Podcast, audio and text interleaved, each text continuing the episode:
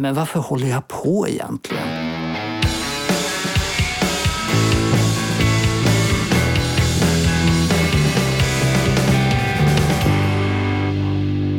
Amatörmusikerpodden.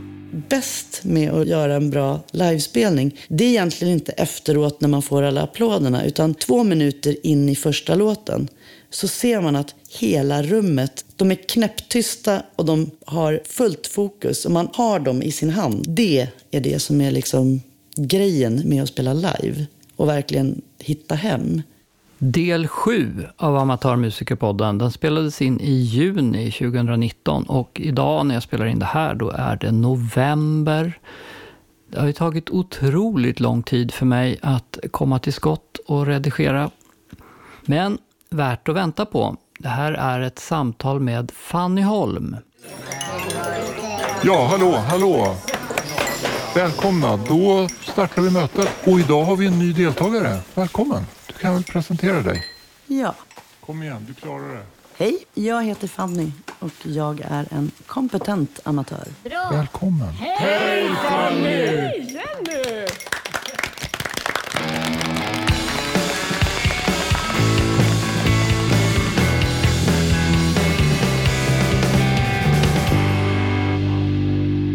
Idag har jag tagit mig till Södermalm, hem till Fanny Holm. Hej! Här sitter vi bland en massa katter. Ja, det finns tre. Är det bara tre? Ja. Jag tycker jag blev över, översvämmad av Ja, katter de är här. lite intensiva kanske i sin framtoning. Det ligger en uppe på min väska där nu. Ja. Och en höll nyss på att öppna frysen. Just det. Men, men vi börjar så här då. Var, var, var kommer du ifrån ursprungligen?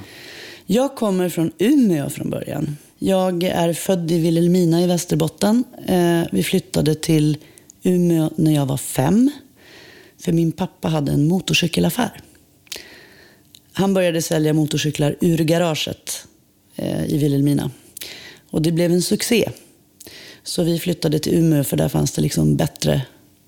Det var bättre business där. Fler kunder? Fler kunder. Eh, så. så jag växte upp där. Eh, min eh, mamma jobbade som musiklärare. Så jag har liksom haft den här... Musiken har jag haft hela tiden. Så. Eh, sen flyttade jag till Stockholm 83. Så jag har ju faktiskt bott längre här än vad jag bodde där. Hur gammal är du? Jag är 52. Har vi gemensamma referenser i tiden i alla Mm, fall? precis, precis. Vad, vad är det för slags musik som du utövar? Det är ju alltid jättesvårt att sätta en etikett på det man gör. Du får sätta flera etiketter om du Ja, vill. tack snälla. Nej, men, eh, jag skulle säga att det är någon form av americana. Eh, alt country brukar folk säga också. Eh, och med det menas ju att det inte är den här liksom traditionella jättefrejdiga countryn utan den är kanske lite mörkare. För det är nog något som går igenom allt jag gör. Att det är, det är ganska mörkt. Jag har ganska få låtar som går i dur. Och har du någon känsla för varför eller är det bara att du dras till det? Jag dras till det. Och så handlar det, alltså, när jag skriver så börjar jag nästan alltid med eh, någon fras som kommer till mig. Och det, den är oftast liksom komplett med musik och text. Och så bygger jag från det. Och det är ofta ganska mörka saker. Eh, det handlar väl om någon slags självterapi faktiskt, ärligt talat. Så. Ofta är det så i alla fall. Vad får du för respons då på, på ämnena av de som lyssnar? Eh, jag brukar få...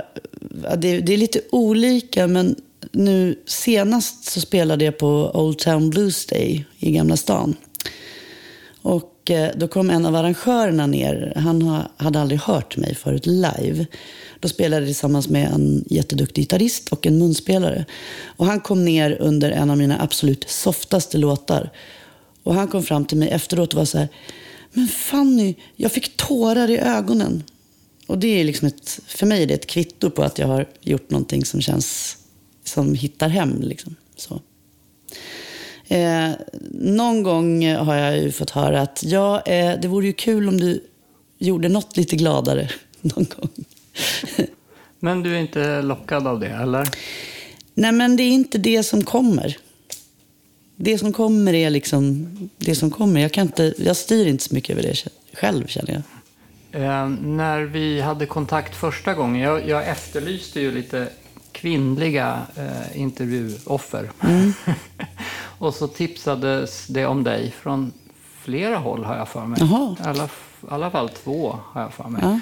Ja, och så eh, kontaktade jag ju dig och frågade om du ville vara med och så eh, och så började jag leta efter dig då för att ha något att lyssna på för att förstå vad, mm. Vad gör Fanny då? Mm. eh, och en av de första låtarna jag hittade låg, som jag tycker då, dold och gömd och svårhittad under det obskyra namnet Lasses hus Sessions 14. Ja.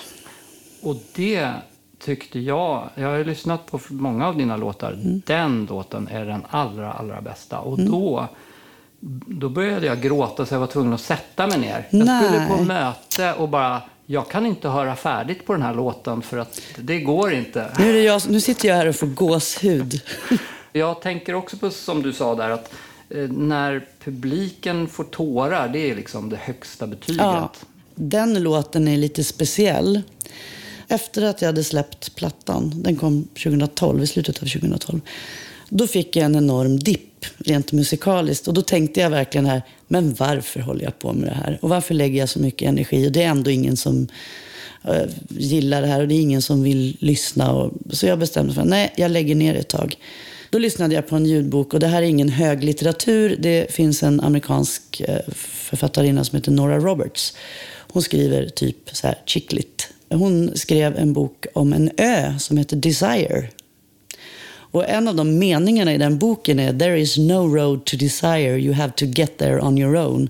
Och den bara gick rakt in. Och den där låten skrev jag på 25 minuter. Den är faktiskt en av mina egna favoriter också. Och ändå finns den inte riktigt inspelad mer än på det Nej. där sättet? Nej, den är inte inspelad. Jag hörde den, i mitt huvud hörde jag den med lite så här uppbyggnad och så lite stråkar mot slutet. Mm. Så där och, ja. Precis. Men det behövdes ju inte egentligen. Nej. Men, ähm, ja. Nej, men det är väl, tanken är, alltså jag, jag släppte ju den här plattan 2012 som jag bekostade helt själv. Det blev ganska dyrt. Eh, och det här var 2012, det var innan Spotify blev så här stort och det enda sättet. Eh, jag pressade tusen ex av den där plattan. Jag har en ganska stor kartong i mitt förråd kvar. Jag sålde rätt mycket i början när jag var ute och spelade och sådär. Men nu köper inte folk skivor på samma sätt. Eh, och det är det som också har gjort att jag inte har... Jag har släppt en, en EP efter det och några singlar. Men det bär emot att gå in och göra en hel produktion för att det kostar så mycket pengar.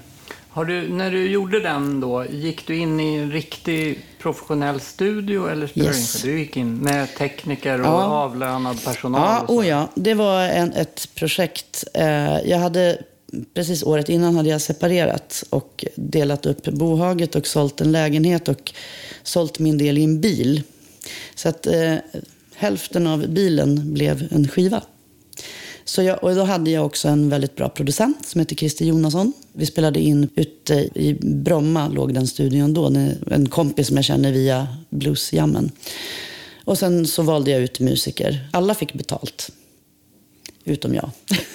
Ja, just det. Du fick betala. Jag fick betala. Men det var ju ändå liksom väldigt roligt att göra, gå in för helhjärtat. Jag tog semester från mitt jobb en hel vecka bara för att vara i studio. Ja, det var väldigt roligt. För jag tänkte att nu har jag de här pengarna. Nu vill jag göra någonting som, är ett, liksom, som man kan hålla i handen. Och det gjorde du ju. Ja, det gjorde jag. Jag kämpade emot in i det längsta innan jag ville lägga ut den på Spotify, men insåg att jag var ju tvungen. Hur då? Varför det? Kämpa emot? Nej, men för att jag kände att jag hade ju hellre velat liksom sälja skivor och få pengar tillbaka den vägen. Spotify betalar ju tyvärr inte så bra. Hur mycket lyssnas den på då? Har du någon känsla för det? Nej, det är inte jättemycket. Det är, det är vissa låtar som jag tror är, mm, ligger lite högre än andra.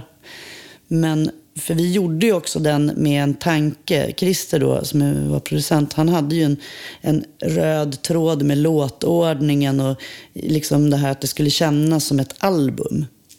Och den tanken finns inte riktigt i och med Spotify. För där, man lyssnar ju på, jag gör ju det själv också, man går in och lyssnar på en låt.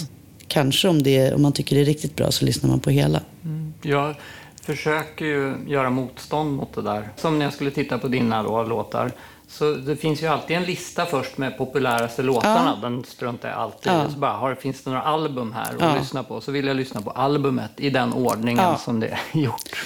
Ja, tack. Då vet vi i alla fall att det finns någon som har gjort det. ja, men så försöker jag göra. Mm. Eh, men sen ibland så har man inte tid riktigt då. Nej. Och då är, ju, då är ju Spotify också bra på, på det. Ja. Att det blir som en egen designad radiostation på ja. vis. Jo, men precis så är det ju. Men jag är, tycker också om album och jag har gjort, eh, jag har gjort två album själv mm. som jag också vill att de ska konsumeras på det där sättet. Ja, men, men det finns det ju. Ja, men alltså, tittar man tillbaka till hur det var liksom, innan allt det här digitala så fanns det LP-skiva. Liksom. Det fanns ju definitivt en tanke med vad som låg på A och B-sidan. Och singlar, absolut A och B-sida. Nu är det ju det, liksom, det konceptet är ju inte riktigt samma längre. Nej, det, jag tycker det verkar vara många som propagerar för att album är helt meningslöst mm. numera. Och att eh, EP är, är det optimala formatet. Jag, mm. jag vet inte. Jag vill ju fortfarande att album ska vara viktiga. Ja. Nej, men jag, jag, jag, tycker som du. För att det finns också så här... Man, man lyssnar på eh, vad som helst som är gjort liksom, innan Spotify så känner man ju att det finns en tråd liksom, i hur låtordningen är lagd och så vidare. Mm. Ja, jag själv, det senaste jag släppte var en EP och det jag håller på med nu är också en EP. Mm. Så eh, det har väl lite tillfälligt kapitulerat då. Ja. Men precis. man får väl samla sig och komma med ett dubbelalbum ja. så småningom. Ja, precis. Ehm, jag tyckte det var intressant det du sa om att eh, producenten, hej katten, Eh, producenten hade en tanke med låtordningen. Det var inte du som hade det då? Nej, alltså vi, vi valde ut, vi hade, vi hade ganska många och långa diskussioner kring det här. Och då sa jag till honom så att jag skulle gärna vilja att du föreslår en ordning. För att själv är jag så blind på mina egna låtar. Och jag kan ju liksom tycka att den här ska komma. Men kom du med ett förslag för du har lite fräscha ögon. Och han hade en relation till mina låtar innan vi liksom började. Så att det var... Jag, jag köpte hans förslag helt enkelt. Det här att du har valt att sjunga på engelska, vad är det som har gjort att du har fastnat för engelska? Det känns bättre. Jag ska inte säga att jag är tvåspråkig, men nästan. Eh, I mitt jobb så har jag jobbat väldigt mycket med både engelsmän och amerikaner. Jag har inga problem att byta språk på en sekund. Jag, jag, alltså ibland tänker jag på engelska. Det känns mer naturligt. Jag har försökt skriva på svenska. Jag har verkligen försökt. Du har en låt på Spotify på svenska. Ja, det har jag. jag har försökt skriva på svenska och det, det tar fruktansvärt lång tid. Jag blir aldrig nöjd. Och jag känner mig alltid obekväm när jag ska framföra det. Mm. det så, kan det vara så att även om du är van i engelska så är det ändå inte ditt modersmål? Att det blir som ett filter, som ett skydd? Det kan vara så. Men det kan också vara så att jag har alltid tänkt med mina låtar och med min musik att jag, jag skulle vilja nå ut mer än till Sverige. Eh, jag har ju bland annat varit väldigt mycket i Wales. De vill alltid att jag ska sjunga någonting på svenska för att de tycker att det är exotiskt. Eh, men det är ju mycket, mycket lättare för en engelskspråkig publik att ta till sig någonting som är på engelska. Så där har jag ändå haft någon form av så här framåt-tänk. Men, sen, men framförallt är det att nej, men alltså, jag känner mig inte bekväm med att sjunga på svenska. Jag kan inte riktigt förklara det bättre än så. Låtarna kommer på engelska och då får det vara så, helt enkelt. Eh, ja, jag, tidigare så har jag skrivit bara på engelska. Jag tyckte också precis sådär att det var svårt att sjunga på svenska. Det blev bara kantigt och obekvämt och, och övertydligt. Och sådär. Men sen så bestämde jag mig bara för att ja, men jag, jag vill. Jag hör ju, har ju sådana influenser då som sjunger på svenska och, och så tänkte det måste ju gå. De kan ju. Så att. Men det var absolut en jättestor tröskel. Stort motstånd. Och jag tycker fortfarande ibland att det är väldigt, väldigt svårt. Ja, men jag har också, det är ju också efter, nu har jag ju, jag har ju sjungit, jag sjöng i mitt första band när jag var 16, så jag har ju hållit på ett tag. Eh, och med, i olika konstellationer, olika genrer, olika typer av människor. Och jag har verkligen försökt.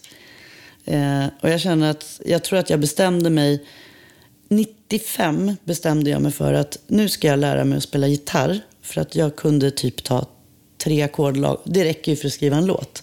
Men jag kunde inte framföra det själv utan jag var alltid beroende av andra. Eh, och jag tror att det var ungefär då som jag tog det här beslutet att nej, nu skriver jag bara på engelska för det känns bra. Och sen har jag liksom hållit fast vid det. Ja. Ehm, jag, när jag lyssnade där på ja, den där låten som vi nämnde då, no, road, no Road to Desire var det va?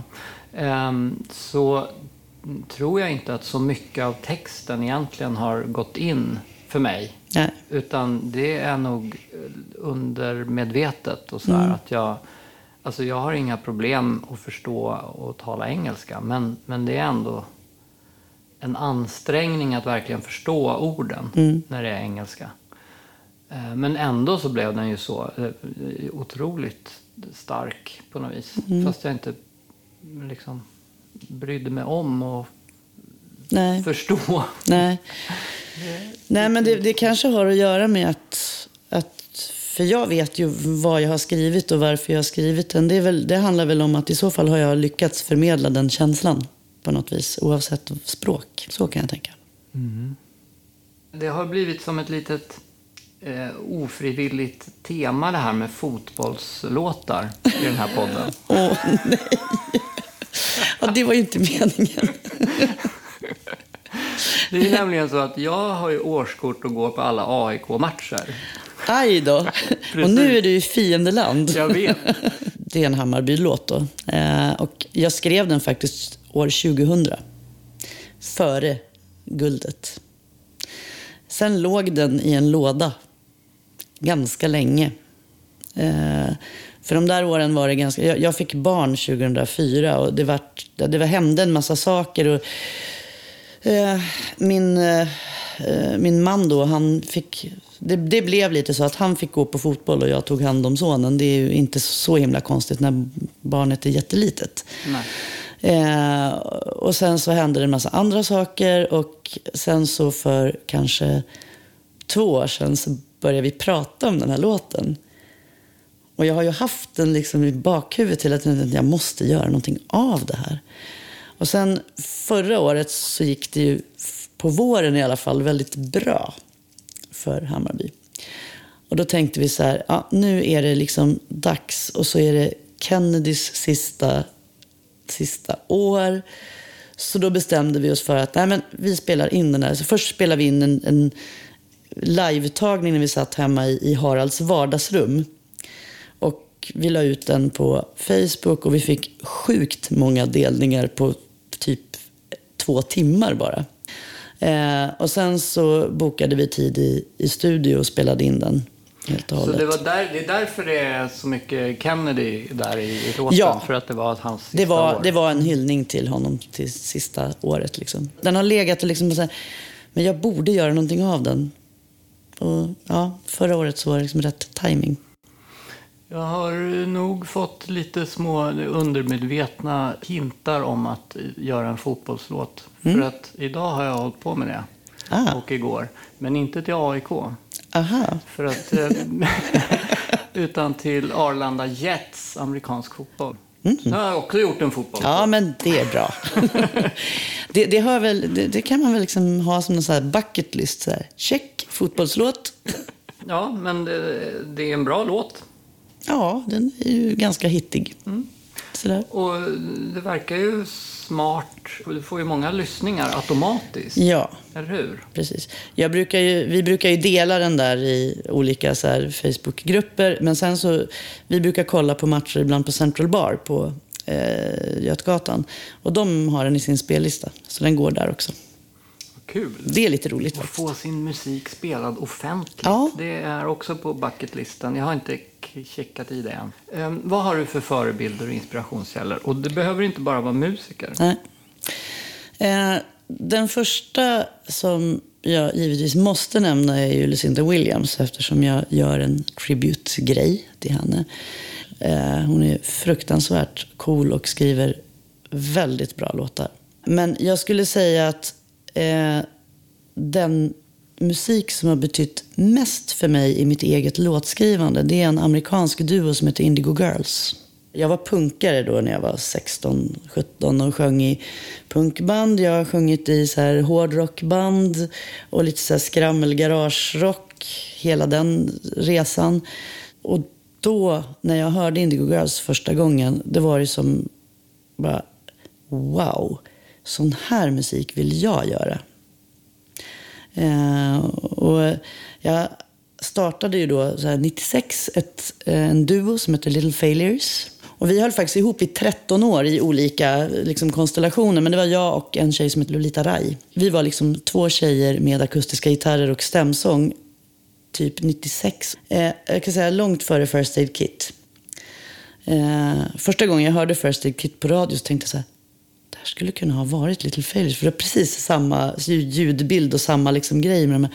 Vi, vi kunde ju knappt spela gitarr, ska jag säga. Vi hade ingen respekt för instrumenten. Men vi gav ju oss på de här svinsvåra Indigo Girls-låtarna. Det blev väl kanske inte riktigt rätt, men vi lärde oss väldigt mycket på det. Eh, Så att de har betytt jättemycket för mig musikaliskt. Så det är de, de och Lucinda eh, egentligen som är de stora. Eh, sen har jag lyssnat på väldigt mycket, jag har lyssnat på väldigt mycket punk. Jag har lyssnat på väldigt mycket, liksom, på 80-talet så var det ju så mycket glamrock. Och det är ju också en typ av liksom, låtskrivande som har, säkert har satt sig i mig, men alltså med vissa harmonier och sådär. Ja, sen, ja, Emmylou Harris förstås. Fantastisk sångerska. Eh, Jag kommer ihåg när jag såg den här filmen Oh brother where art thou? Bland annat finns det då en scen där det kommer sirener. Då är det Linda Ronstadt, Emmylou Harris och en till som jag inte kommer ihåg som sjunger a cappella. En sån här gammal traditional. Så det är helt magiskt om man vill upptäcka den musiken. Nej, men jag tror att det, det, det är liksom det som har nog format mig. Och just det här, akustisk gitarr är ett fantastiskt instrument. Eh, Spelar du några andra instrument? Det står ett piano här. På min EP så finns det en pianolåt som jag har skrivit. Men eh, för tillfället, just nu har jag inte rört det där pianot på ganska länge, för det behöver stämmas. Det brukar ju bli så. Så, jag skulle säga att jag spelar inte piano jättebra, men jag, jag skulle säga jag, jag kan göra mig förstådd på piano. Förstådd på piano. Ja. Ja, men om man pratar så, Ja. så förstår du vad jag menar. Ja. I Little Failures så spelade, fuskade jag lite på banjo också faktiskt. Eh, Men, men annars är det liksom gitarr som är min... Ja, men det är mitt hjälpmedel för att nå fram. Så. Och när du ska spela in, då sa du att du, skivan där gjorde du ju i riktig studio. Ja. Och eh, Hammarbylåten, då gick ni också in i riktig studio. Ja. Eh, du, har, du spelar inte in någonting själv så här hemma med dator? Och... Jag spelar in eh, jättemycket själv hemma på min iPhone. Det är mitt skissblock. Okej, men Så. det är bara skisser då? Inte så här färdiga? Nej, jag har aldrig släppt någonting så som jag har spelat in. Nu håller, min son är 15 och han håller på att lära sig ljudteknik. Så tanken är väl kanske att eh, han ska få spela in mamma sen. Om han vill. Ja, det, men det, det är ju så här... um, amatörmusiker emellan. Man måste ju vara lite konstnär, alltså uppfinnare på hitta sätt Ja, och så. Och då och ha en son som är ljudtekniker är väl ett sånt exempel. det är ett sånt exempel. Eller man känner någon som... Ja. Eller så. Ja. Precis. Det finns så många val man måste göra. Och det jag kände när jag spelade in min platta, det här med att ha en producent var skönt. Därför att dels så styrde han ju upp liksom själva, eller det gjorde vi ju tillsammans, liksom själva arren och instrumenteringen och sådär. Men när vi sen hade spelat in allting, då sa jag så här, hej då, mixa nu. Och jag tyckte det var så skönt, för att eh, Little Failure släppte också en platta. Och då satt vi ju med hela tiden och lyssnade. Och det är ingen bra grej för att man blir så döv på sina egna låtar. Och så försöker man alltid, man tror alltid så här, ja men mix- mixningen det, det tar typ två kvällar, det blir jättebra. Och så sitter man där och ska mixa så här 12 låtar på två kvällar. Och efter en timme är man döv. Så man hör inte, och speciellt inte om det är liksom min egen låt. Så jag tyckte det var oerhört lyxigt att bara få så här, mixa det här nu. Och så gjorde de det. Han gjorde det tillsammans med eh, studioteknikern som också är en väldigt duktig och rutinerad person. Liksom. Och sen kom de tillbaka till mig. Jag hade två saker som jag ville ändra på. På hela liksom, 13 låtar. Och då kände jag så här, bra. Men ska man hålla på själv, då man blir ju överkritisk. Och det är lätt att överproducera på något vis, känner jag. Jag eh, var en kompis som känner någon som tydligen var duktig på att mixa och så här. Och så sa kompisen, ja men jag kan fråga om han kan hjälpa dig att mixa. Mm. Men det visade sig att det skulle ju kosta 85 000 att mixa mitt album. Och jag kände, Nej. det är liksom inte rimligt på något sätt. Så att då, då gjorde jag det själv och det är klart att det inte blir lika bra som, som om någon duktig hade gjort Nej. det. Men det blev gjort i alla fall. Ja. Liksom. Den där inspelningen som du såg, Lasses hus. Eh, man kommer dit och man repar igenom låten. Lasse Englund hade ju inte hört den där innan. Ja, sen sätter han upp liksom mickar. Och så sätter han upp en videokamera och sen kör man. Det är live. Och så tycker jag bäst om att spela in. För att det blir en nerv när man spelar in som aldrig kan bli samma när man liksom måste hålla på och lägga på och klippa och flytta saker. Så här, det, ja, det är så här allergiskt liksom. Det, är ju, det här är ju liksom ingen arenarock jag håller på med. Så att man kommer ju, jag brukar tänka hela tiden så här att less is more. Det är liksom instrumentets ton som måste få styra. Och, och min röst, för det är ju liksom det som är centralt. Sen allt annat får ju vara liksom stöd och glitter och stressel på. Men det, är ändå, det centrala måste ju ändå låta naturligt. Jag tycker det låter jättehärligt att ha mm, producent och ja, bollplank på olika Ja. sätt. Medmusiker och uh, motmusiker. Ja, ja men precis. Ehm, så det är något som jag saknar. Så det låter väldigt... Jag, har, jag fick lite hjälp av Georgia som jag intervjuade för ett par månader sedan. Då. Ehm, Så gjorde jag en låt och så bad jag honom lyssna på den. Och då, så han skickade tillbaka synpunkter och jag gjorde om. Och så, så han blev lite ofrivilligt som en producent på distans. Och jag vet inte vad han tycker, men jag tyckte att det var jättekul. Ja. Jo, men så är det ju. Och det roliga är liksom att Christer, eh, vi eh, spelar ju inte ihop så mycket. Han har ju flyttat till Gotland. Och av den anledningen så ses vi inte så ofta. Men jag, det är fortfarande så att han är all, nästan alltid den första som får höra mina nya låtar. Jag skickar alltid dem till, dem, till honom. Eh, så. Det, Ja, jag har, jag har en, några stycken personer som får lite var. För jag vill Ja. inte tynga ner en Nej, stackare med precis. allt. För det blir ganska mycket. Ja. Det beror på hur produktiv man är. Ja, Men problemet är att i, i perioder kan man ju vara väldigt produktiv. Eh, I alla fall om man är som det här är ju väldigt, det är väldigt känslostyrt det här med låtskrivandet. Det är ju aldrig så att jag sätter mig ner så här, nu ska jag skriva en låt och så sätter jag mig med gitarren. Det händer aldrig. Utan det, det är någonting som pågår hela tiden. Liksom.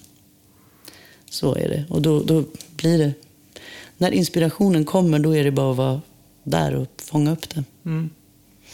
Precis. Ehm, det, jag ehm, kan ha pauser i och för sig då. Men det är samma sak. Om jag håller på med en låt, då pågår det i huvudet hela tiden. Mm. Dygnet runt. Vilket ju blir jättekonstigt för min närmaste omgivning då. Kanske. Jag vet. jag är som mest kreativ efter tio på kvällen. Och det funkar inte alltid jättebra om man har ett krävande heltidsjobb. Så att det, man får dela med det där. Vad, vad har du för jobb? Jag är webbmaster. Så just nu så är jag på ett företag i, eh, som säljer antikroppar. Det är en helt ny bransch för mig, men det är kul. Jag har ju det här mottot eh, som jag faktiskt har tatuerat på ryggen. Do one scary thing every day. Mm, det är Eleanor Roosevelt ja. som har sagt det. Det har jag haft sedan ett antal år tillbaka. Och det här är ju det är väldigt nyttigt för det kan vara en en sån minigrej som är en scary thing. Som till exempel att man ringer det där telefonsamtalet som man har gått och bara så här, men jag orkar inte, det är lite jobbigt så här. Jag, jag, jag, gör det sen. Då gör man det, då har man gjort sin scary thing. Det kan också vara liksom en jättegrej, gå och ställa sig på scen och köra en helt ny låt. Och då brukar jag ge mig själv några scary thing-fria dagar efter att jag gjort en sån. Men, men normalt sett så försöker jag tänka att om någonting känns lite läskigt så tänker jag att det är ändå bra att jag gör det här. Eh, det var en kompis till mig som sa för ganska länge sedan att om man inte gör någonting överhuvudtaget som man är rädd för, då växer man aldrig som människa. Är det så att det är lite läskigt att gå upp på scen eller är det just att det är kanske är en ny låt eller så? Eller har du lite nerver där? Jag har alltid sjukt mycket nerver. Eh, det, är, det går över efter eh, ungefär 30 sekunder in i första låten så är det okej. Okay. Men speciellt den där timmen innan man ska gå på och man är på stället och man håller på och stämmer och man går och pillar och man, så här, man ser att det kommer folk och så oj, oj, oj, hur ska det här gå? men det släpper jag alltid. Men, men så är det. Jag, jag har alltid, jag är, jag är inte riktigt kontaktbar innan. Så jag behöver vara väldigt mycket för mig själv. Ja, jag hade för länge sedan, då var jag väldigt nervös, eh, typ ett dygn i förväg. Och så här. Jag var alltid tvungen att sova middag innan vi skulle upp på scen. Alltså jag var tvungen att lägga mig i ett hörn. Men hur kunde du sova? Ja, jag, jag var väl i chock eller något. Jag la mig bakom någon stol, var som helst. Jag, jag bara, som om jag bara svimmade borta. Liksom. Jag måste bara stänga ner hela systemet. Eh, men det, så illa har det inte varit sen då. Men i början var det faktiskt så. Mm. Jag kommer ihåg att när, när Lolita och jag eh, började med, med Little Failures, och då hade vi ganska mycket spelningar i början på lite olika så här, söderkrogar och fik och så här, lite mindre grejer. Vi fick köra fyra låtar före något annat på Kägelbanan och det är ju ganska stort. Mm. Och jag vet att vi stod där i logen och bara stirrade på varandra så här. Och vi var båda två lite så lätt gröna i ansiktet och var så här, men var, varför utsätter vi oss ens för att må så här dåligt? Vad håller ni på egentligen? Ja, precis. Och sen så gick vi upp och gjorde det här och sen efteråt så, så här, ja men det är därför vi gör det här liksom. Men det är intressant, jag är med i en annan liten eh, kombo nu. Som är, eh, det är ett duettprojekt som egentligen var att jag och en kille som heter Johan Hellman skulle sjunga duetter ihop. Eh, som vi hade liksom skrivit själva. Eller så här. Nu har det där vuxit så att nu är vi eh, sex man. Det är han och jag och sen är det en basist. Det är en slagverkare och sen är det eh, en kille som spelar lite blandade stränginstrument. Och sen har vi en fiol också. Och vi gjorde en sån här, eh, vi gjorde en liten kupp på Southside för ja, på långfredagen var det. Då var det två band vi känner som skulle spela som back to back, back på Southside. Och då hade vi pratat med dem innan. Och, men, men det är jättekul om ni kommer och kuppar i pausen. Liksom. Och då sa vi så här, då kör vi helt akustiskt. Utan, vi behöver inte för, för just när man ska köra sån här fiol till exempel, är jättesvårt att micka så att det blir rättvist. Eh, Linus spelar både mandolin och sån här dulcimer, han spelar melodika. Det är jättesvårt att få en bra ljudbild. Så att det vi gjorde var att vi ställde oss framför trumsetet, framför scenen och körde fem låtar. Och det är ju häftigt, för att då måste ju folk vara tysta för det första. Och det som Johan, då, den andra sångaren, och jag sa efteråt, det är att det som är bäst med att liksom göra en bra livespelning, det är egentligen inte efteråt när man får alla applåderna, utan så här, ungefär två minuter in i första låten så ser man att hela rummet är, de är knäpptysta och de är, har fullt fokus. Och man, man har dem i sin hand. Liksom. Det är det som är liksom grejen med att spela live. Och verkligen hitta hem. Och det är så himla roligt. Är häftigt att göra det utan förstärkning också. För jag menar med hjälp av mikrofoner och PA så kan man ju köra över publiken Ja, också. precis. Det lät jättebra, men de som stod längst fram vid scenen, de hade liksom håret blåsande bakåt för att det var så högt. Nej, men jag tror på den här idén med att försöka hålla det så enkelt som möjligt. Så det, det blev en, ja det var riktigt kul faktiskt. Hur mycket spelar du live överhuvudtaget? Det är lite olika. Jag skulle ju jättegärna spela mycket mer. Men dels är det så att jag har satt en gräns sen kanske fem år tillbaka att jag tar inga gratis gig. Det tar ändå tid att förbereda och eftersom jag jobbar heltid så alltså jag känner att jag vill hellre göra några grejer riktigt bra och få lite pengar. Sen är det ju, du vet ju, det är inga stora pengar. Gagerna har ju typ inte gått upp sen 80-talet. Så det är ju egentligen små pengar, men jag tycker att det är själva principen. Eh, men det brukar bli, alltså kanske en gång i månaden.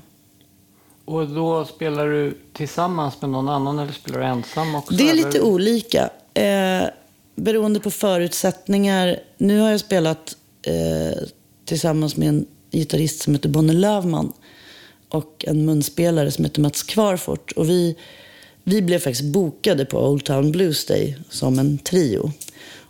Och då är det så här, ja men då får alla betalt, fine, då gör vi det. Eh, och då är det 75 minuter. Det är ganska länge. Det är typ 16 låtar. Så, så att, och då, då är det liksom så. Men, men annars, jag har spelat på bluesbaren på Hornsgatan. Jag har kört helt själv där en gång. Och det är också lite så tufft, för där förväntas man underhålla mellan 19 och 22. Det, är Det, är tre, det brukar bli tre set. Så 24 låtar. Ensam. Det är lite tufft faktiskt. Men, eh, ja, men det är ändå roligt att göra sådana. Det är ju så här one scary thing. Hur, känns det som att du har lätt att, att fånga publiken eller får du jobba lite eller hur går det där då när du är ensam? Ja, jag tycker att det går ganska bra faktiskt. Jag, jag känner att jag brukar få eh, jag brukar få kontakt. Och jag tycker också att folk lyssnar. Det beror lite på vilket ställe man spelar på. Nu har ju jag aldrig gjort sådana här klassiska trubadurgig där man är liksom bakgrundsmusik. Jag har gjort några sådana. Eh, framförallt har jag gjort sådana i Wales. Eh, men eh, jag tycker inte att det är ett problem att folk liksom inte riktigt lyssnar. Utan jag brukar fånga. Och det, det är nästan alltid folk som kommer fram efteråt och säger att åh vad bra. Har du några medvetna knep för att få kontakt med publiken eller känns det som att det går av sig själv? Eh, ja, jag brukar ju försöka ha ögonkontakt med folk. Väljer du några stycken så här som du har ögonkontakt med speciellt eller? Ja, men det är lite, man känner av, alltså jag tycker man känner av rummet. Man ser liksom vilka som är, vilka som är mottagliga. Ja, just det. Vilka som är kontaktbara. Ja, Om de precis. har druckit för mycket. Ja, man... då, nej, men de är, kan man ju glömma. så, nej, men det brukar vara så. Eh, eh, Little Failures hade ett väldigt bra motto i början eftersom vi var, vi var ju verkligen på riktigt tokamatörer. Så. Och vi hade en ganska bra målsättning. Vi tänkte så här, om vi kan imponera på en person varje gig så är vi nöjda. Och den tycker jag är ganska bra. den har jag nog fortsatt att ha. Liksom.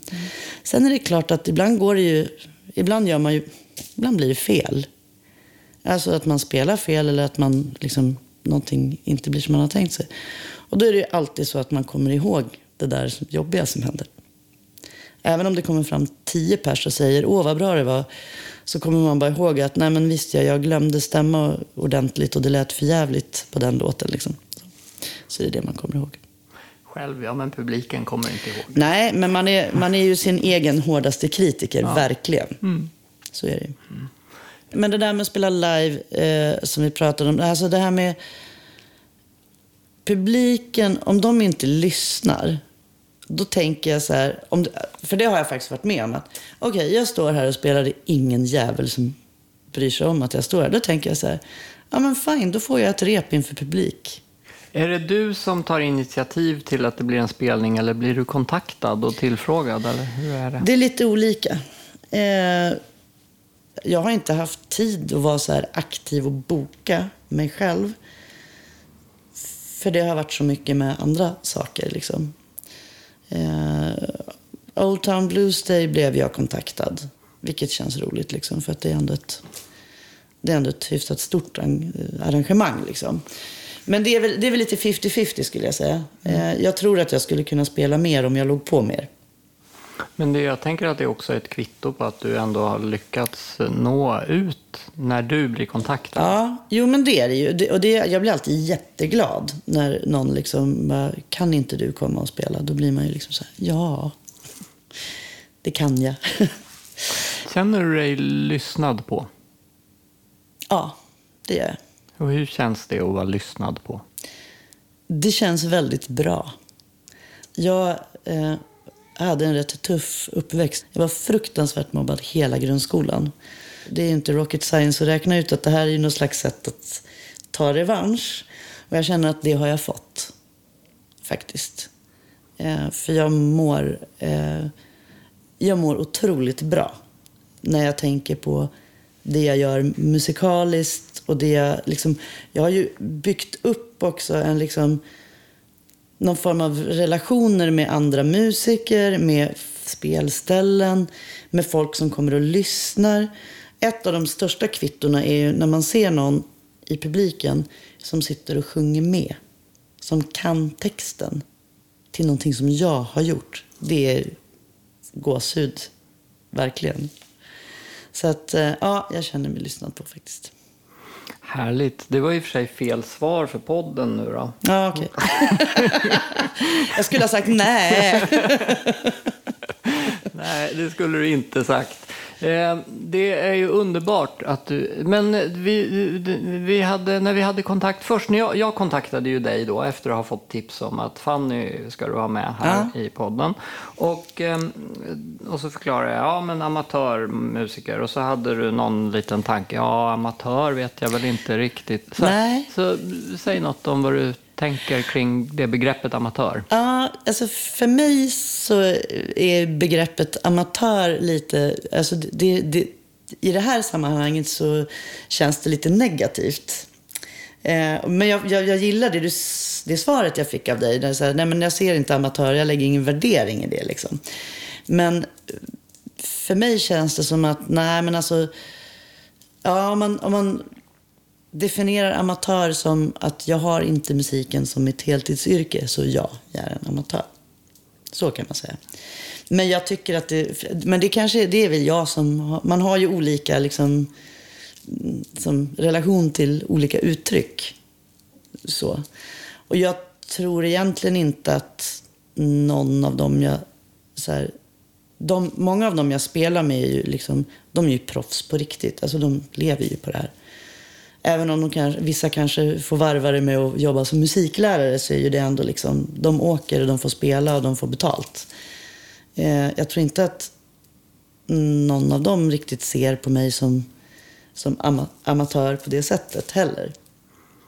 Men, eh, men drar man det på, på den ledden liksom, så ja, jag är en amatör. För jag, det går inte att försörja sig på det. Liksom. Ehm, vi, vi har ju pratat om det i några avsnitt lite grann så här att, och, och det är också min tanke från början att att amatör, jag vet ju att det är lite provocerande. Mm. För att det har fått en sorts negativ jäkla amatör. Liksom det Ja, är men en precis. sån Det är så här, på Söder är det amatörafton på fredag kväll för då kommer alla amatörer och ska bli fulla. Lite så. Ja, men, eh, men amatör, mm, och det var också återigen Georgia då i Norrköping. Han hade slagit upp ordet amatör innan jag kom och intervjuade Mm. Det borde honom. jag ha gjort eftersom jag är språkvetare från början. Han Tänkte inte på Och det. jag hade ju inte ens gjort det fast jag har podden. Men han gjorde det. Och Ja, men vad stod det då? Och då stod det att amatör kommer från latin. Från, eh, jag tror att det hette amare. En som älskar. Att man gör någonting av lust. Men det är ju jättebra. Och det är ju det som jag försöker att liksom erövra den betydelsen Ja, av amatör. det är, ju, det är ju fantastiskt. För Ja. så är det ju verkligen. Och eh, sen får man också bara inse att ja, men amatör används också som skällsord. Ja, så är det.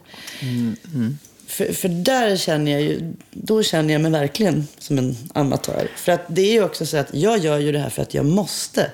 Det är ingenting som jag väljer att, nej men jag tycker det verkar lite balt att skriva låtar så att det, det verkar vara inne nu så jag tar och gör det. Utan det här är ju, jag håller på med det här alltså jag var 16 och det är liksom ett sätt för mig att, jag mår verkligen skit om jag inte får hålla på med musik. Och jag tänker också att en amatör har tid att lägga, har mer tid att lägga. Mm. Om man är proffs och är tvungen att varje timme ska betala sig, Ja, då måste den här låten vara klar nu. precis. Eh, Men en amatör kan hålla på i fyra veckor till. Ja.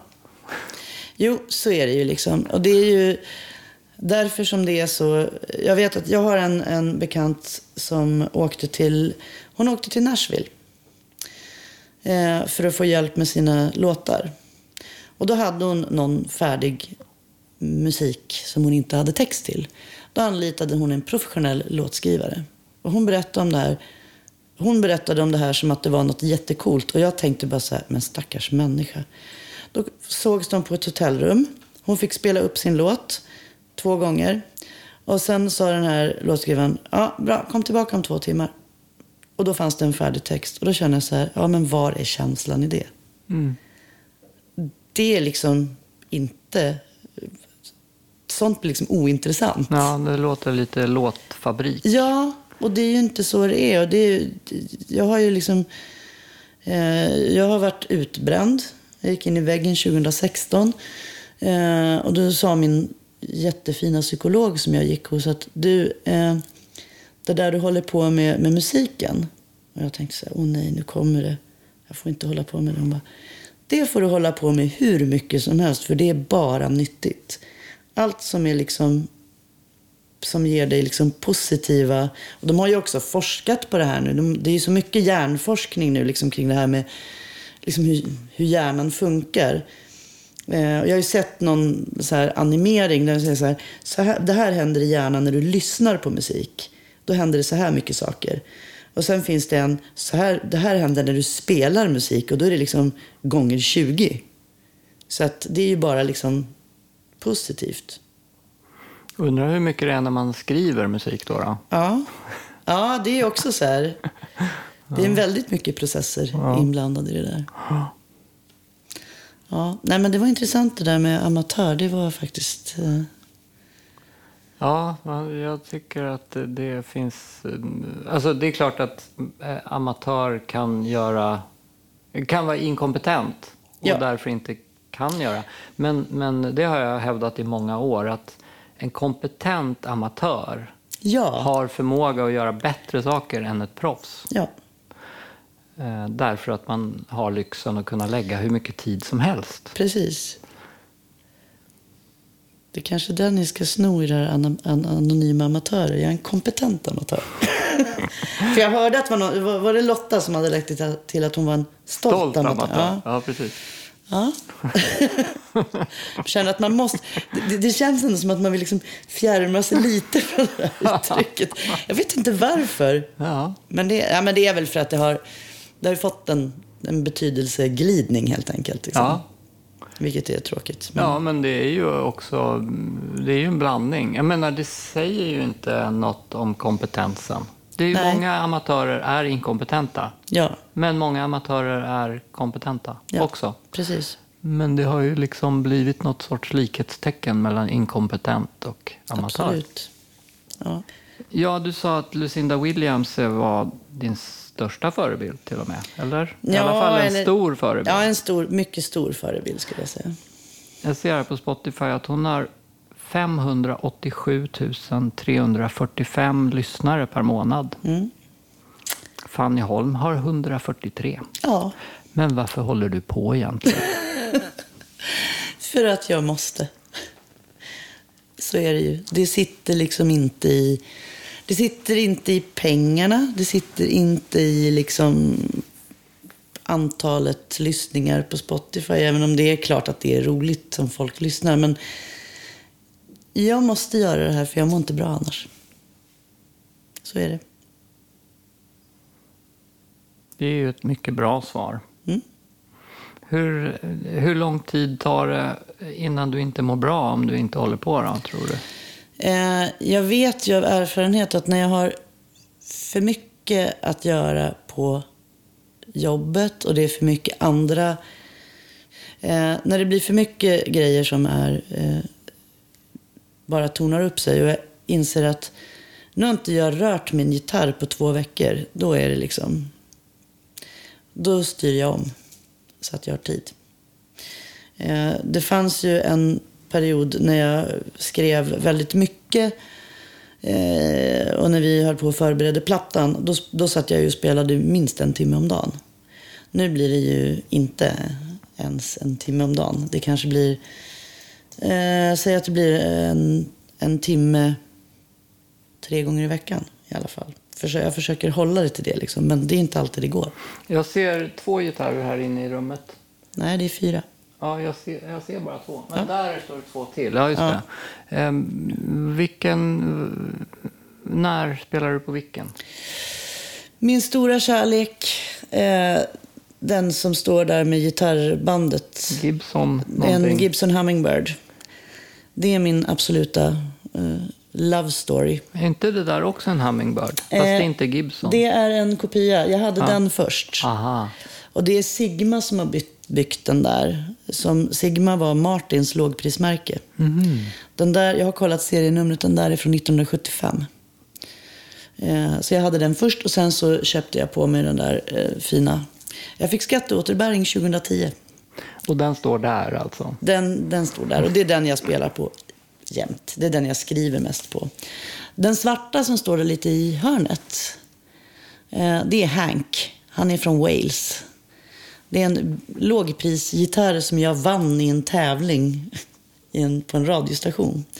Eh, Hank är stämd i ett öppet D.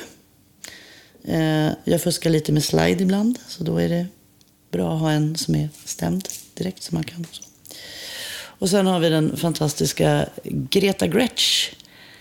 Hon har varit ett lån, ett långtidslån från Christer, min producent. Men eh, nu faktiskt för typ en vecka sedan så är hon min. Jag har köpt loss henne. Aha, det är en halvakustisk Mm. elgitarr. Precis. Och den, den har jag faktiskt, eh, hittills har jag använt den på i Lucinda Tribute på ett par låtar. Eh, jag spelade väldigt mycket elgitarr när jag var yngre, när jag började i, höll på i punkband och sådär. Men akustiskt passar mig bättre. Men på vissa låtar är det ju klart roligare med en elgitarr. Men eh, du, har inget, du har ju inget eh, fast band. Men du Nej. har den där du, duon som höll på och blev sex personer. Ja, precis. Det är, min lilla, det är mitt lilla sidoprojekt. Så. Eh, och sen om jag får... Eh, om jag blir tillfrågad om en spelning så... Det beror lite på dealen och vad man har liksom att jobba med. Men jag brukar försöka ha någon mer musiker med mig. För jag känner själv att, okej, lyssna på Fanny i 24 låtar kanske inte är... Det blir nog ganska tråkigt till slut. För även om jag försöker variera mig så, ja, nej, jag känner att jag har en begränsning där liksom med vad man kan göra. Så att det är ju roligt om man kan få med sig, Mats Kvarfort som spelar munspel till exempel är fantastisk att ha med sig för att Då får man in något annat som glittra lite här och där så, utan att det tar över. Eh, och sen så har jag ju ett par riktigt duktiga sologitarrister som tycker att det är kul att spela med mig. Men då handlar det ju också om att det är ju inte så att de håller på att lira solo hela tiden. Men de kanske fyller upp och lägger lite fills och lyfter det lite. Så att det är ju egentligen, eh, det, är egentligen det bästa när man har några få som kan eh, göra det lite större. Liksom. Men det blir inte det här riktiga band, rockbandet med trummor och bas och sådär? Nej, det, det var ju det på plattan. För den är ju inspelad med fullt band. Och tanken var ju efter det att vi, vi hade ju hoppats att vi skulle få napp och få åka lite på den där plattan. Men det blev ju inte så. Eh, och det är klart att det är ju jättekul. Det är ju jättekul också. Men idag är det så här, det går ju inte att hitta gig som betalar för ett helt band. Det är lite så. Och jag vill ändå att de som spelar med mig, de får betalt. Eh, och ibland har det nästan varit så att jag har tagit pengar ur egen ficka för, för att de ska få betalt, för att det ska bli någonting. Liksom. Vilket egentligen är jävligt korkat, men Men det är så tråkigt att det inte det finns eh, forum för att spela med, med liksom fullt band. Nej, men det, alltså det kostar för mycket. Och det är så här, jag, jag vet inte vad det är som... Jag vet inte riktigt vad det är som händer med, med liksom när... De stänger ju igen en massa konsertställen nu också. Ja, Den debatten är ju också intressant. Det att ett- folk tycker att det stör. det är ett litet uppror på gång. Ja, då, det är det. Nej, det är ju fruktansvärt liksom, att de stänger igen ställen för att folk som har flyttat in här från andra ställen tycker att det ska vara tyst i stan. Mm. Nej, det är ju fullständigt eh, absurt. Var du med och demonstrerade här? Nej, jag häromveckan? kunde inte. Men Nej. jag har väldigt många kompisar som, som Ja. var där. Och det var tydligen bra. Eh, nej, men jag tycker den utvecklingen är lite skrämmande faktiskt. Ja. Eh, Senast jag hörde var Kägelbanan, va? ja, Ja. det var väl lite oklart om det var på grund av klagomål eller någonting annat. Jag grävde lite djupare där och såg att det kanske inte var helt... Det var inte helt glasklart. Men det finns ju andra ställen som verkligen har fått slå igen på grund av det. Och det är ju Ja, tråkigt. vi spelade en gång på Hard Rock Café. Och där var det ju inte så hårdrockigt som det låter på nam- namnet då eftersom det finns folk som bor högre upp i huset. Ja. Ja, det var... Precis. Nej, men det är som bluesbaren på Hornsgatan. De har ju fått, eh, eh, de har ju fått jättemycket. Det är ju en bostadsrättsförening och det är en granne som klagar hela tiden. Så att de har ju fått eh, ljudisolera jättemycket. Under en period så fick inga band spela där med trummor. De var tvungna att ta bort det. För att, men nu har, tror jag de har kommit till någon slags så här, lagom. Men det, man får inte, det, är ju, det ska vara tyst klockan tio. Ja. Så att det är ju jättesorgligt. Sen är det ju hela den här liksom diskussionen om, ja men om man kommer som band och ska spela och så förväntas man, man förväntas liksom dra folk själv. Eh, man ska spela på dörren, man får ingen mat, man får ingenting, man får rodda själv. Och som krögarna säljer en massa extra öl för att man själv tar in folk. Alltså det blir någon slags... Och folk tycker generellt inte att man ska behöva betala för livemusik för att musik är ju gratis. Men det där vi pratar om med nerver, det är också intressant. Nu har jag ju, egentligen sedan 2008 när Little Failures slutade, så har jag ju kört till största delen själv. Och jag vet att jag har gjort gig där jag har stått på scen i 40 minuter och när jag kommer ner från scenen så kommer jag inte ihåg ett skit. Och det är ju för att då har man ju varit för nervös liksom. Man går in i någon slags autopilot och bara kör. Men man kommer inte ihåg någonting efteråt och det är läskigt. Men det har faktiskt inte hänt på länge. Så det är väl, ja, det men det är, det är klart att det är läskigt. Det blir ju en eh, rutin man gör. Om jag, alltså jag har ju som sagt bara nosat på att spela ensam några gånger och så tyckte jag det var så obehagligt så jag har inte försökt mer. Nej. Ehm, Men om jag hade gjort det så hade det rimligen gått över eller blivit bättre. Ja. Men eh, det var, ja. Nej, kanske- motståndet är, har varit för stort i alla fall. Mm, det kanske är din scary thing. Inte varje dag kanske. Nej, det går inte.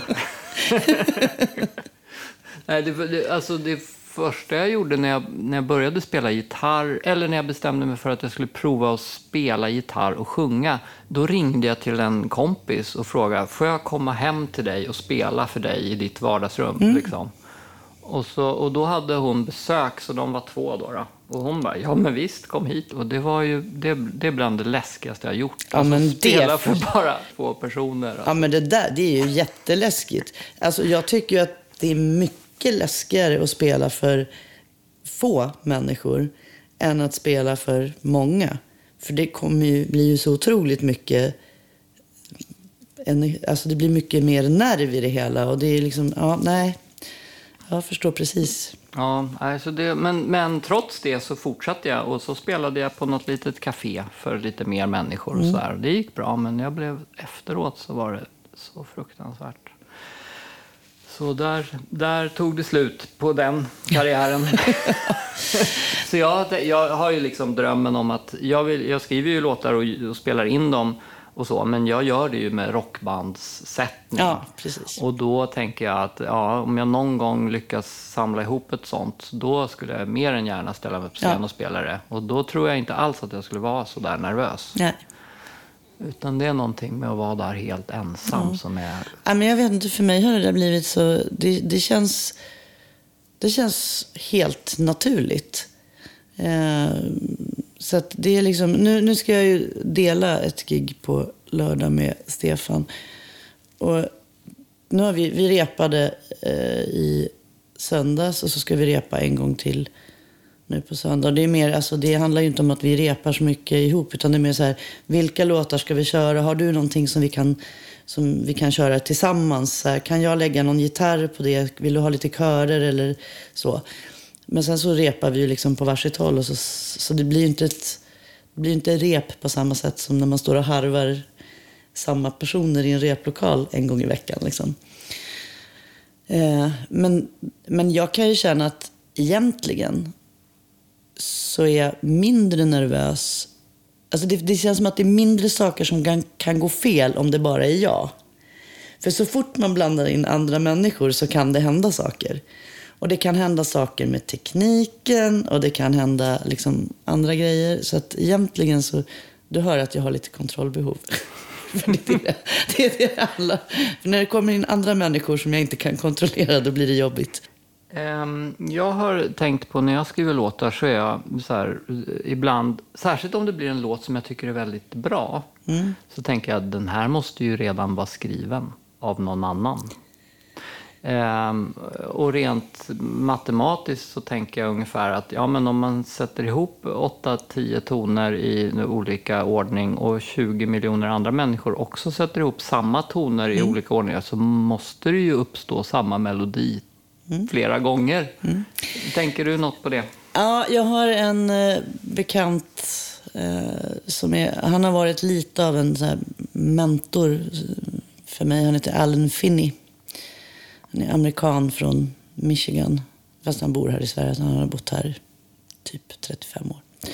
Men han har en väldigt bra sägning om det där. There are only 12 songs. Det är precis det där du var inne på.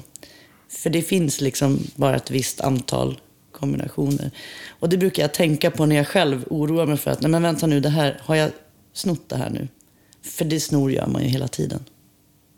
Så, så att det, jag tycker den är ganska bra.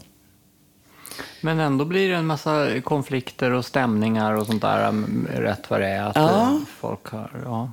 Jag tror att, ah, jag vet inte. Ibland så tycker, ja ibland kan man ju höra att det faktiskt är snott.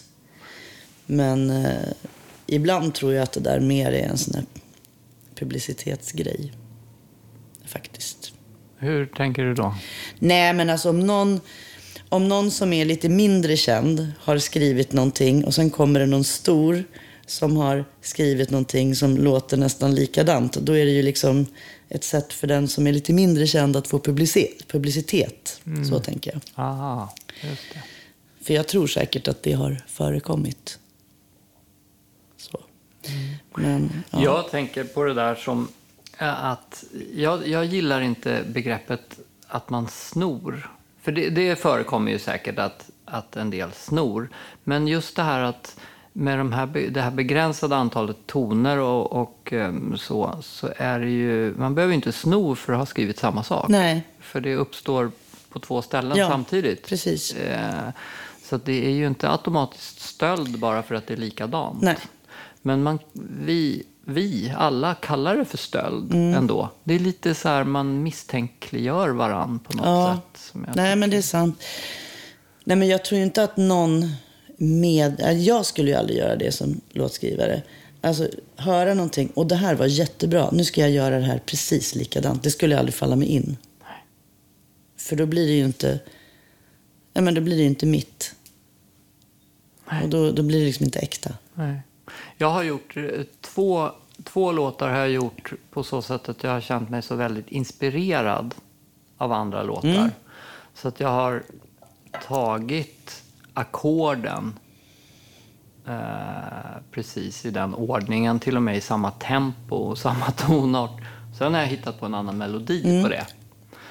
Eh, och så har jag tänkt så här bara, det här är säkert stöld. Och sen har jag tänkt att det skiter jag i, för det är ändå ingen som lyssnar på mina låtar.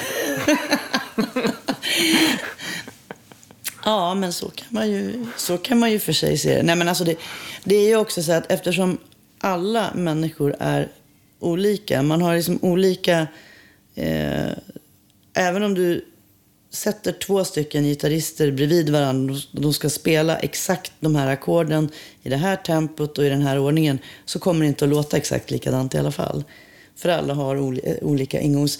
Och lägger man sen till liksom en röst på det och en annan melodi så blir det ju helt Ja, jag, annorlunda. jag tycker nog att det är okej att Ja. använda ackordföljder. För Absolut. Att annars skulle ju alla treackordslåtar vara förbjudna. Ja, precis. Nej, men då skulle ju nog jag få packa ihop och lägga ner.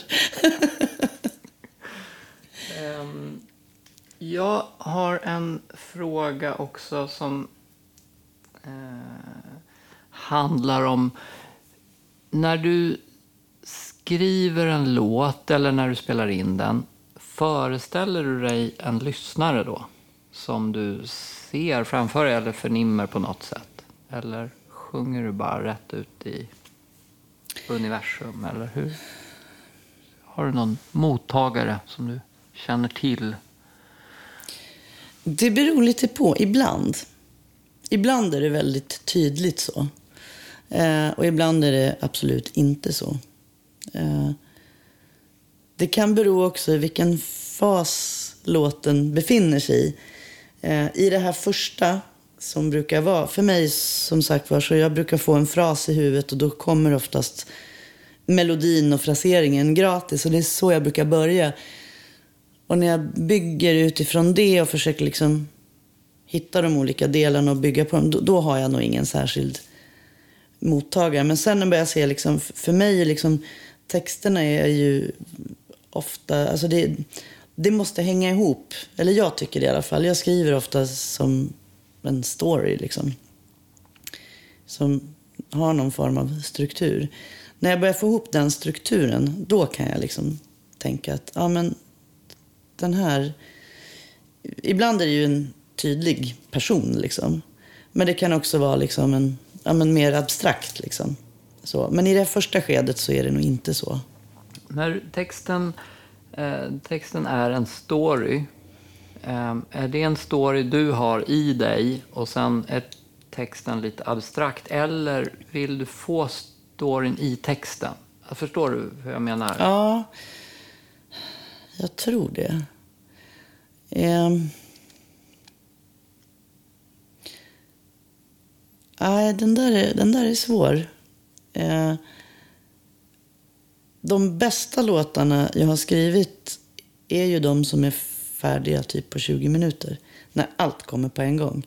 När hela texten kommer. Alltså man, det bara kommer som ett rinnande vatten. Liksom. Då behöver man inte göra så mycket. Men det finns ju de där man börjar med någonting och så skriver man liksom första versen och den blir så jäkla bra. Och så inser man så här, jaha, hur ska jag kunna åstadkomma fyra verser till som är lika bra, som innehar samma liksom typ av liksom höjd på innehållet och som ändå... Eh, jag brukar försöka att ha rim. Och det är inte alltid liksom exakta rim. Det kan vara så här near rhymes liksom. För jag mm. tycker om... Jag tycker om att sjunga så. Jag tror också att det blir lättare att ta till sig texten om det finns någonting som man ja, men så man kan hänga med. Man, du vet hur det är själv när man lyssnar på en låt. Man tänker så här, okej, okay, ja men nu är vi på väg åt det där hållet. Så lite man känner att man får... förutsägbarhet. Ja, lite förutsägbarhet. Ja. Men det behöver inte vara det här liksom... Eh, Johan som jag sjunger med i det här duettprojektet, han är en mästare på att skriva sådana texter där man bara så här, ja just det. det var, han tänkte så och jag trodde att han skulle sjunga det där. Men istället så sjöng han det där istället och så blev det mycket bättre. Så det där är liksom ett ständigt... Eh, så. Men det, det, är lite svårt att svara på. Vissa låtar kräver ju lite mer slit. Och jag känner så att kräver de för mycket slit, då lägger jag dem åt sidan. Då får, du mm då får man vänta in nästa idé istället. Lägger du dem åt sidan permanent eller tittar du igenom gamla låtar och ser om de vaknar till liv igen? Eller mm. vad händer? Det brukar vara så. Härom kvällen faktiskt så eh, jag satt och tittade på den här Mina minnen-funktionen på Facebook. Man går tillbaka några år. Då såg jag helt plötsligt att jag hade skrivit, börjat skriva en vers. Eh, som tydligen hade kommit till mig. Som jag la ut som Facebook-status. bara, den här gjorde jag ju aldrig någonting med. Så då var jag tvungen att skriva ner den. Så det kanske blir något på den. Så, nej, men jag tittar igenom ibland. Eh, och ser eh, om jag kan liksom blåsa liv i någonting. Så. Det där med rim tycker jag är väldigt intressant. Jag gillar när det, rim, när det är rim. Mm. Jag tycker att det är någon trygghet ja, men det. Jag tror också att det är så. Jag tror att det är så generellt att man... Eh, alltså när man lyssnar på musik så vill man väl ha någonting att... Ja, men det är som en hand som leder en lite så här. Ja, men precis som att man vet att det var fyra taktslag i förra takten och då kommer det vara det i nästa också. Ja, och inte tre. Jag funderar på om vi ska runda av. Ja. Eller har du något mer du vill säga? nej, jag tycker jag har sagt tillräckligt. nej, men nej. Är det något mer jag ska säga? Nej, det vet jag inte. Nej, men det var, var ju jättetrevligt att sitta och prata musik. Ja, det är ju det. Det är ju jätteroligt. Ja. Man kan ju sitta och prata hur länge som helst. Ja, precis. Um, men, men, det blir det... väldigt långa poddar då. Ja, precis. Vi får göra två avsnitt av den här. Nej. Ja, precis. Följetong. Men då, vet du, då tror jag att jag ska ta och gå till Södra station. Mm. Och så ska jag ta pendeltåget till Uppland för nu är vi i Sörmland. Just det. För nu har jag varit långt hemifrån. Nu har du varit långt söderut också. Hur känns det? känns bra. Det är ju varmt och skönt ja. i södern. Och. Precis. Ja. tack ja. så jättemycket Fanny. Ja, tack själv. Det var roligt. Ja. Vi hörs. Yes. Men varför håller jag på egentligen?